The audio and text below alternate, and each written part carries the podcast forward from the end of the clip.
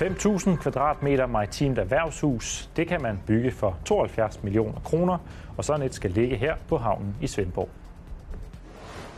Et nyt friplejehjem skaber debat i Nyborg allerede inden det er bygget. For er det kommunens opgave, eller skal private have lov at tage sig af ældreplejen? Gå mod nord på Borgerbyvej mod Solevadvej. Fra i dag kan du finde 30 af de bedste fynske vandreruter på din telefon direkte i Google Maps. De historier vender vi tilbage til senere i udsendelsen. Velkommen til 22 Fyn. Tove og Jørgen Holm må gerne bo i deres autocamper. Det ligger nu endeligt fast. Vi har tidligere fortalt om ægteparet, der solgte deres gård ved Middelfart for at køre rundt i Europa i en autocamper. Problemet det var bare, at de ikke kunne registrere den uden en adresse, men det kan de altså nu. Efter sagen blev rejst for skatteministeren, er reglerne blevet ændret, så hvis du går rundt med samme drømme, så kan du fremover søge om dispensation hos Motorstyrelsen. De nye regler forventes at træde i kraft 1. juli.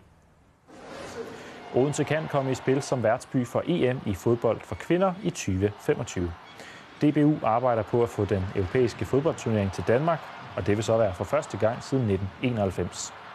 Det officielle danske bud på værtsbyer skal først ligge klar i august næste år, men af notater, som TV2 Fyn har fået agtindsigt i, fremgår det, at Odense er i spil sammen med 11 andre byer.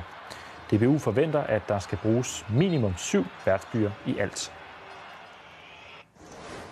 Det fynske dyrskue har i dag indvidet denne nye helårsattraktion med det passende navn Dyrskuret. Et oplevelsescenter beregnet til børn i dagpleje, vuggestue og børnehave, hvor de kan lære om den danske natur og dyreliv. Dyrskuret er gratis at benytte og en gave fra Fynske Banks fond, mens Odense Kommune har sørget for planter og bede. Børnehuset Stjernen var med til indvielsen, og børnene fik på premieredagen mulighed for blandt andet at lave fuglehuse og finde insekter. Det er dejligt. Man kan jo fange så mange insekter. Skal du ud igen, tror du? Mm. Måske en anden dag.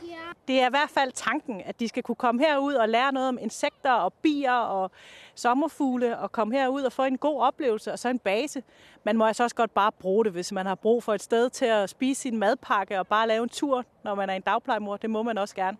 Men det er tanken, at det skal gerne gøre, at alle de fynske børn de kan lære lidt mere om natur og insekter og landbruget. Private investorer vil bygge et nyt maritimt erhvervshus på havnen i Svendborg, lige ved siden af det nye CIMAC, som er under opførelse. Det er fem sydfynske virksomheder, der står bag planerne om et byggeri på 5.000 kvadratmeter og til en anlægspris på 72 millioner kroner. De fem har tilsammen skudt 34 millioner i projektet, og en lokal ildsjæl er gået forrest. Tag ikke fejl. Det navn plejer at lyde. Carlo Jensen er ikke en hvem som helst i Svendborg. Ja, jeg kan sgu forklare det hele, men... Den succesrige erhvervsleder har en enorm formue, og han investerer gerne i det lokalområde, som han er så stolt af, eller... Ej, ja, nu er vi jo Fyn, hvor vi er ikke stolt, vi er taknemmelige. Så kommer selve Simak til at ligge lige ret forud, så kommer erhvervshuset til at ligge lige til højre for. Han er gået forrest og har samlet andre private investorer om at skyde penge i det nye erhvervshus på havnen. Og det bliver sådan et par markante facader den her vej ud. Selv har han smidt 6 millioner kroner i projektet. Og hvad de andre har investeret, det vil jeg ikke gå og sladre om. Målet er at genrejse Svendborg som maritim søfartsby og få succes og anerkendelse. Vi skal ikke blive en soveby. Vi vil godt deltage i, i, i verdens liv. Og det gør du med, med sådan noget som det her. Tanken er at samle den nyeste viden om drift af fremtidens skibsfart. Udviklingen går fantastisk hurtigt. Det her skib kan have 6.000 container. De moderne skibe kan have 18.000 container på et skib. Det er 400 meter langt. Det sker i tæt samarbejde med CIMAC. Det er maritime virksomheder, som flytter ind. Så det samarbejde, der kan være imellem øh, vores studerende og de virksomheder, vores øh, dygtige undervisere og de virksomheder, og de dygtige medarbejdere og den relation til virkeligheden, som øh, virksomhederne repræsenterer, det er det, vi vil udnytte så godt vi overhovedet kan. Maritime iværksættere kan lege sig ind og kan arbejde sammen med elever fra CIMAC. For Carlo Jensen handler det ikke om at tjene penge, men om at skabe dynamik. Men har du tålmodighed til, til at at se det? Ja, ja, ja, ja. Ja, ja, men ellers, så, hvis man er død for inden, så er der jo ikke noget at gøre ved det. Hvis alt går efter planen, så skal huset stå færdigt i september 2022. I flere fynske kommuner kan borgerne flytte ind på såkaldte friplejehjem som supplement til de kommunale. Og nu er turen så kommet til Nyborg, hvor private vil investere 100 millioner kroner i sådan et. Men de planer har skabt politisk debat om, hvad der skal være kommunalt, og hvad private skal tage sig af. Så skulle vi jo gerne være i stand til at aflevere et færdigt byggeri til Danske Diakoner i august øh, 22. Peter Olsson glæder sig til snart at kunne præsentere et nyt fynsk friplejehjem her i Nyborg. Det bliver en flot, flot bygning i tre etager. Der bliver investeret 100 millioner kroner i det nye private plejehjem. Bag projektet står ejendomsfirmaet AP Ejendomme, et datterselskab under AP Pension og Danske Diakonhjem. Det er egentlig bare et eksempel på, at andre operatører også kan komme ind på det her marked. Men det er ikke alle, der hilser det nye friplejehjem velkommen. Socialdemokratiet i Nyborg med borgmesterkandidat Sonja Marie Jensen i spidsen tager afstand fra projektet. Det er hamrende vigtigt, at alle borgere i Nyborg Kommune de har mulighed for at få en plejehjemsplads. Og det synes jeg er en kommunal opgave. Men et flertal i Nyborg Byråd siger ja tak. Det betyder, at 67 ældre snart kan få havudsigt til Storebælt og ekstra ydelser mod ekstra betaling. Jeg synes, det er fint nok. Sådan er det i samfundet i dag. Sådan er det i friskoler. Sådan er det i dagpleje andre steder. At der, dem, der har penge i forhold til, de har nogle flere valgmuligheder, og sådan er samfundet jo bygget op. Jeg har et problem med, at vi ikke har løst opgaven. Jeg har jo set på ventelisterne. Det er jo Der det, drives allerede friplejehjem flere steder på Fyn, men i Nyborg er der opstået en politisk strid om hele tanken bag privat plejehjemsdrift. Mennesker, der har arbejdet hele deres liv, betalt deres skat hele deres liv, de skal da være sikre på, at den dag, de har brug for en plejehjemsbolig, så kan de få en plejehjemsbolig uden at skulle have dankortet op i lommen. Kan du lægge hovedet på blokken og sige, at det her det bliver faktisk ikke dyrere for hverken kommunen eller de ældre? Det kan jeg sagtens, fordi at, øh, som det er i øjeblikket, det er, vi har jo ikke lavet nogen aftale med dem endnu.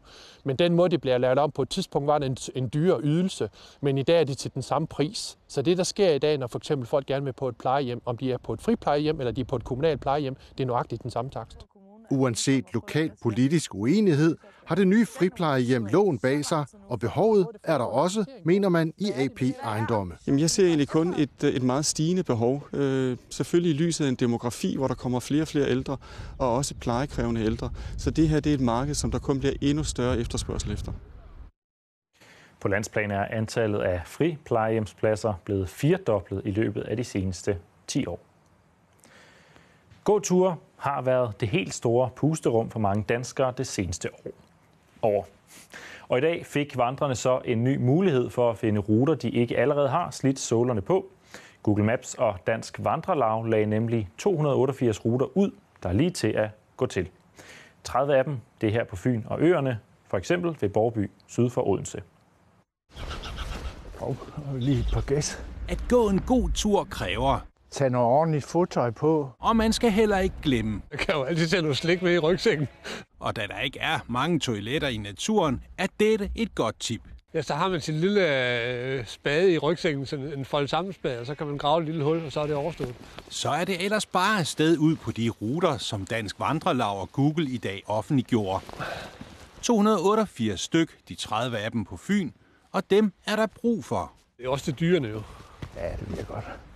De store steder, for eksempel Odense Åsti i weekenden, den er fuldstændig sort af mennesker. Stige Ø som et andet populært sted, det er også fuldstændig sort af mennesker. Så det er jo dejligt, at der bliver åbnet op for flere muligheder, kan man sige, med det nye tiltag her fra Google. Men finder ruterne på Google Maps, søg på vandreområder, og så er hjælpen der. Gå mod nord på Borgerbyvej mod Solevadvej. Når man så er fremme ved sin rute, ja, så er det ellers bare at følge de skilte, Det er så Odense. Okay. der er i området. Vi vil gerne have, at folk de finder hen til de gode vandrestier. Og så er det egentlig planen, at, øh, at folk lægger deres telefoner væk, og så går ud og kigger op i luften og, og får luft ind i panden. Succesen er næsten givet på forhånd. Google har nemlig oplevet stigende søgning på ordet vandring over 10 år, Nu bliver jeg altså nødt til at gå herud og det seneste coronaår er det ligefrem eksploderet. Spørgsmålet er, om alle de nye kommer til at gå i vejen for de erfarne vandrere, der nu deler ud af stier, der ikke bliver brugt så ofte. der er jo masser af plads til os alle sammen. Selvom Danmark ikke er så stort, så synes jeg det stadigvæk, at der er, der er mange steder, hvor der aldrig kommer nogen mennesker. Så det, det har jeg ikke noget imod, vi deler med, med alle de andre. Eventyrløbet 2021 det er aflyst. Det er realiteten efter Fyns politi ikke har givet tilladelse til at gennemføre en virtuel udgave af løbet. Det skulle have fundet sted Kristi Himmelfartsdag. Coronakrisen og nedlukningen har været hård for Odense Sport og Event, det er selskabet bag Superliga-klubben OB. Regnskabsåret 2020 resulterede i et underskud på 34,1 millioner kroner. Og så har det hele tiden været planen med et nyt mountainbikespor i Middelfart, at det skulle presse de mænd væk, der bruger Stavreby Skov til seks årgør. Læs mere om det hele på tv2fyn.dk. I sporten lige om lidt kan I se, hvordan det gik, da det danske herrelandshold i fodbold her til aften tog hul på VM-kvalifikationen med en sikker sejr i Israel. Først en fynsk vejrudsigt. Rigtig god aften.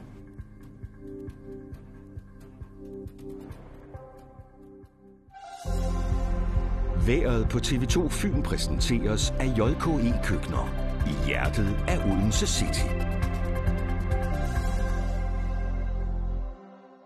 Der venter en flot start på dagen i morgen, hvor der er plads til solstrejf, men der kan også godt komme enkelte lette sporadiske byer. Mest tørt bliver det dog, og så er der altså ja, lidt flere skyer længst mod vest. Generelt set en ganske flot dag, hvor temperaturen igen sniger sig over 10 grader, og flere steder kan man altså godt komme op på 11, måske endda også lokalt 12 grader.